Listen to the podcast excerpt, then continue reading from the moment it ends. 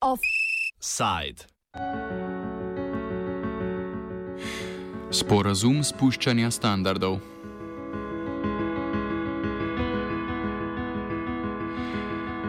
Evropska unija in Japonska sta po štirih letih končali pogajanja o novem trgovinskem sporazumu. Gre za največji trgovski sporazum, ki ga je kdaj sklenila Evropska unija. Države, vključene v sporazum, skupaj obvladujejo tretjino globalnega bruto domačega proizvoda in združujejo 600 milijonov ljudi. Sporazum usklajuje zakonodajo obeh partnerk z namenom, da bi preko poenotenja standardov za izdelke olajšal že tako rastočo medsebojno trgovino. Trgovina med Evropsko unijo in Japonsko, šesto najpomembnejšo trgovsko partnerko EU, se namreč vsako leto povečuje. V okviru sporazuma bo EU umaknila 99 odstotkov svojih carin na izdelke japonskega porekla, medtem ko bo Japonska umaknila 92 odstotkov svojih carin, med drugim na izdelke kot so evropsko vino in siri. Evropska komisija ocenjuje, da bo sporazum najbolj vplival na evropsko prehrambno in na japonsko avtomobilsko industrijo. Evropa bo namreč v naslednjih sedmih letih ukinila 10-odstotno carino na japonske avtomobile. Partnerki bosta tudi lažje sodelovali na javnih razpisih druge druge. Sporazum bo po potrditvi Evropskega parlamenta predvidoma začel veljati leta 2019. Evropska komisija je povdarila, da je dogovor dokaz zavračanja protekcionistične politike. Predvsem Japonska je do sedaj z visokimi carinami ščitila domačo industrijo, sploh kmetijstvo. Kritiki pa izpostavljajo predvsem nevarnost poenotenja regulacije, ki bi lahko pripeljalo v nižanje standardov. Za enotnost standardov bodo skrbele delovne skupine, v katerih običajno sedijo predstavniki kapitala. Laura Verhike iz organizacije Corporate Europe Observatory predstavi tako imenovano regulator regulatorno sodelovanje. So regulatory cooperation is an agreement for the Japan administration and the European Commission to talk together to write laws together. So for new standards, we would have to cooperate with the Japanese government to make sure that our laws are different from, or not too different, sorry, from the laws in Japan. So with this regulatory cooperation, we will have a lot of working groups between Japan and the European Union. And in those working groups, there will be a lot of companies involved. To give you an example, there's a working group between Canada and the United States on chemical products. There are 24 members of that working group, and 21 are companies. Evropski standardi se razlikujejo od japonskih. Evropska unija ima na primer zahtevnejše standarde za avtomobilsko varnost, medtem ko je Japonska strožja do aditivov v hrani. Laura Verhike predstavi nekaj dosedanjih razlik med standardi partnerk. There are very different standards in terms of car, for instance. In terms of car safety, we don't have the same standards. Our standards are higher in the European Union, and there are different standards in terms of genetically modified food. In Japan, a lot of genetically modified food is accepted, it's legal, whereas in Europe, a lot of countries refuse to sell genetically modified food. So that's also a very big difference between the two. On some food additives in Japan, they were not agreeing to certain food additives. They were um, so some food additives are not legal in food, but since the negotiation have started, the Japanese have had to accept certain food additives. So we can see that in Japanese food as well, they get more uh, chemicals than, than before now.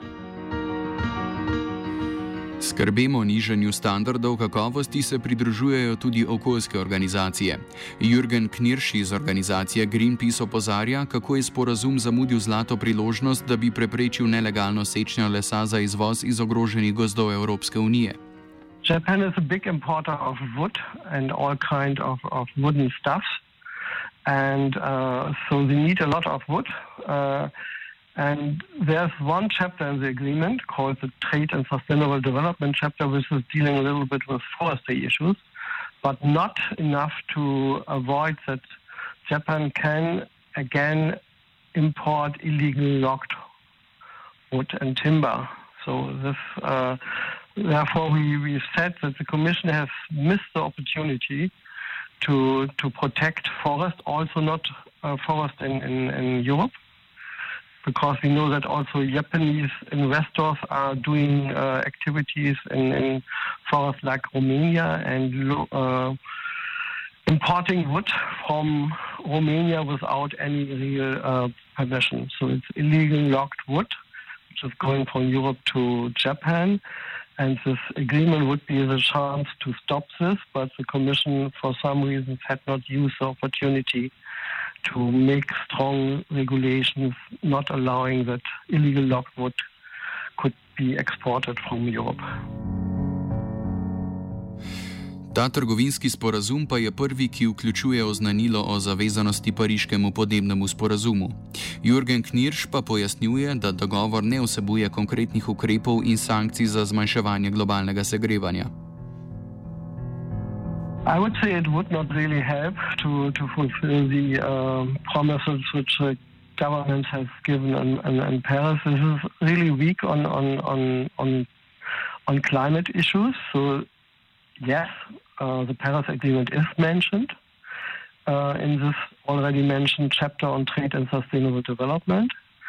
But there's no enforcement, real enforcement structure to secure that all the promises which have been given in Paris are sometime uh, force, So it's uh, weak on, on, climate regulation. So it's allowing uh, the export of, of energies. It's not uh, saying uh, every country must do the best what a country can do to, to save the climate. It's only that we mention that the agreement is existing and the countries should uh, do something but there are no trade-related measures which support a cleaner energy. Na področju javnih storitev sporazum uvaja tako imenovani negativni seznam. To pomeni, da so tržne vse storitve, ki niso izredno izuzete. Prav tako je onemogočena ponovna nacionalizacija privatiziranih storitev. Problematiko tega in vlogo privatizacije v sporazumu pojasni Lora Verhike. We already know that it's a negative list, which means that everything that we're going to liberalize, so that we privatize, will never be able to come public again. And we have made commitments to privatize more, and Japan has also made commitment to privatize more its services. So we privatize more than we already have privatized today, but also we won't be able to renationalize in case the privatization don't go well. So it's a very big democratic questions because we're losing the power to regulate services in the future. Dogovor spodbuja k izmenjavi digitalnih informacij o posameznikih in podjetjih med EU in Japonsko. Trenutna evropska zakonodaja pravi, da morajo informacije o evropskih državljanih ostati na evropskih strežnikih. Problematičnost prenosa tovrstnih podatkov pojasni Ante Vessels, član Fundacije za svobodno informacijsko infrastrukturo. The agreement uh, includes implicit data flows, and that's something that is easily overlooked. It, uh, it has a, a, chapter on trade in services, so Japanese companies can offer their services from Japan uh, into Europe. And that implies that, the, that there will be personal data which goes to Japan, because you can only uh, offer trade and services if there is also a data flow. So there's an implicit commitment to allow data flows. And the, there is also a safeguard in the agreement, but it's a, a general safeguard which is based on uh, GATS Article uh, 14, and that's a quite old article, and it has many conditions. So the safeguard is conditional and that makes it a weak safeguard. That's something uh, researchers of the Institute for Information Law at the University of Amsterdam looked into, and they, they found that the safeguard is insufficient. And this safeguard is used in EU trade agreements and also in this agreement. Izmenjava informacij bo potekala tako med državnimi kot med zasebnimi podjetji. Kako bo izmenjava informacij vplivala na posameznike in podjetja, razjasni Ante Vessels. The Commission states that Japan has good legislation to protect personal data, so it is safe to if our data or personal data ends up in Japan. But this only regards uh, companies. there's also mass surveillance in Japan.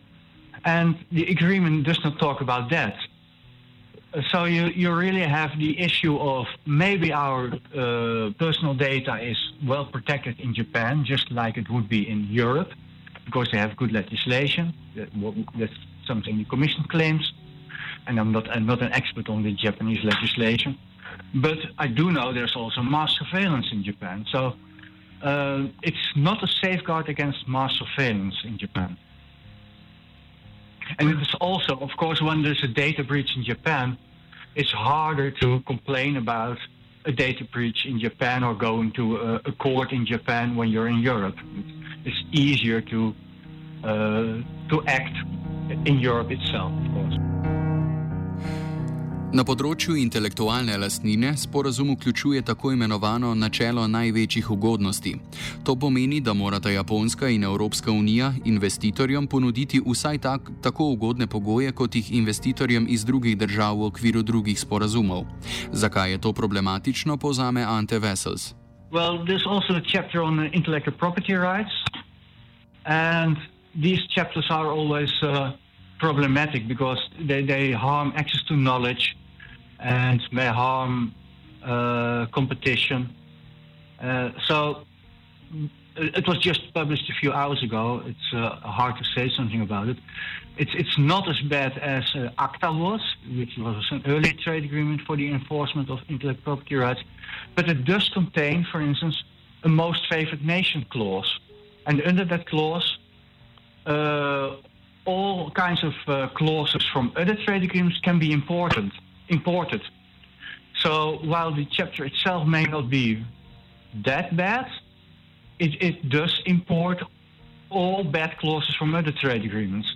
So you can never, uh, with such a system, with importation of clauses from other agreements, you can never take positive steps. So, oh, we don't do this anymore because you import it from the from the past, and that's uh, the most favored nation uh, system is really a uh, well uh, it has very nasty effects.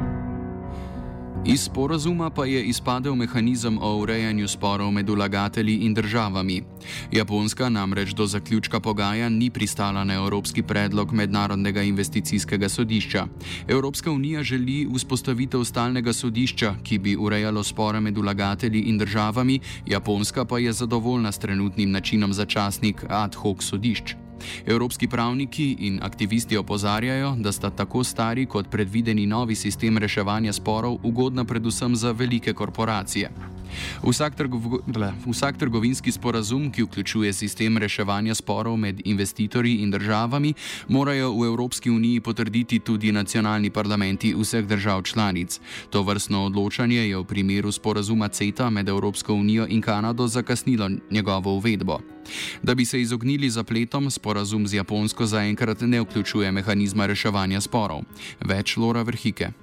So for the moment, there is nothing. There is nothing also because then the Commission can only send the agreement to the European Parliament. So in Slovenia, you will have no way to decide whether you want this agreement or not. Only the European Parliament will decide. So they want the Parliament to say yes, and then the agreement comes into full force. That's why they have taken away investment. They've also taken away investment because they don't agree very much with Japan and they need more time. So then we will have a different deal, another deal that will be only about investment. So they haven't really forgot about investment. They're just going to do it later on in, in the near future, but not now. Lora Verhike za zaključek izpostavi, da Evropska komisija s prejemanjem prostotrgovinskih sporazumov prehiteva demokratične procese.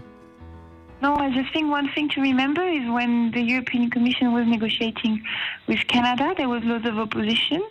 We still don't know if Canada is approved everywhere across Europe. So not all the countries have approved CETA. So we don't know if Europeans want those kind of trade agreements, but the Commission doesn't listen.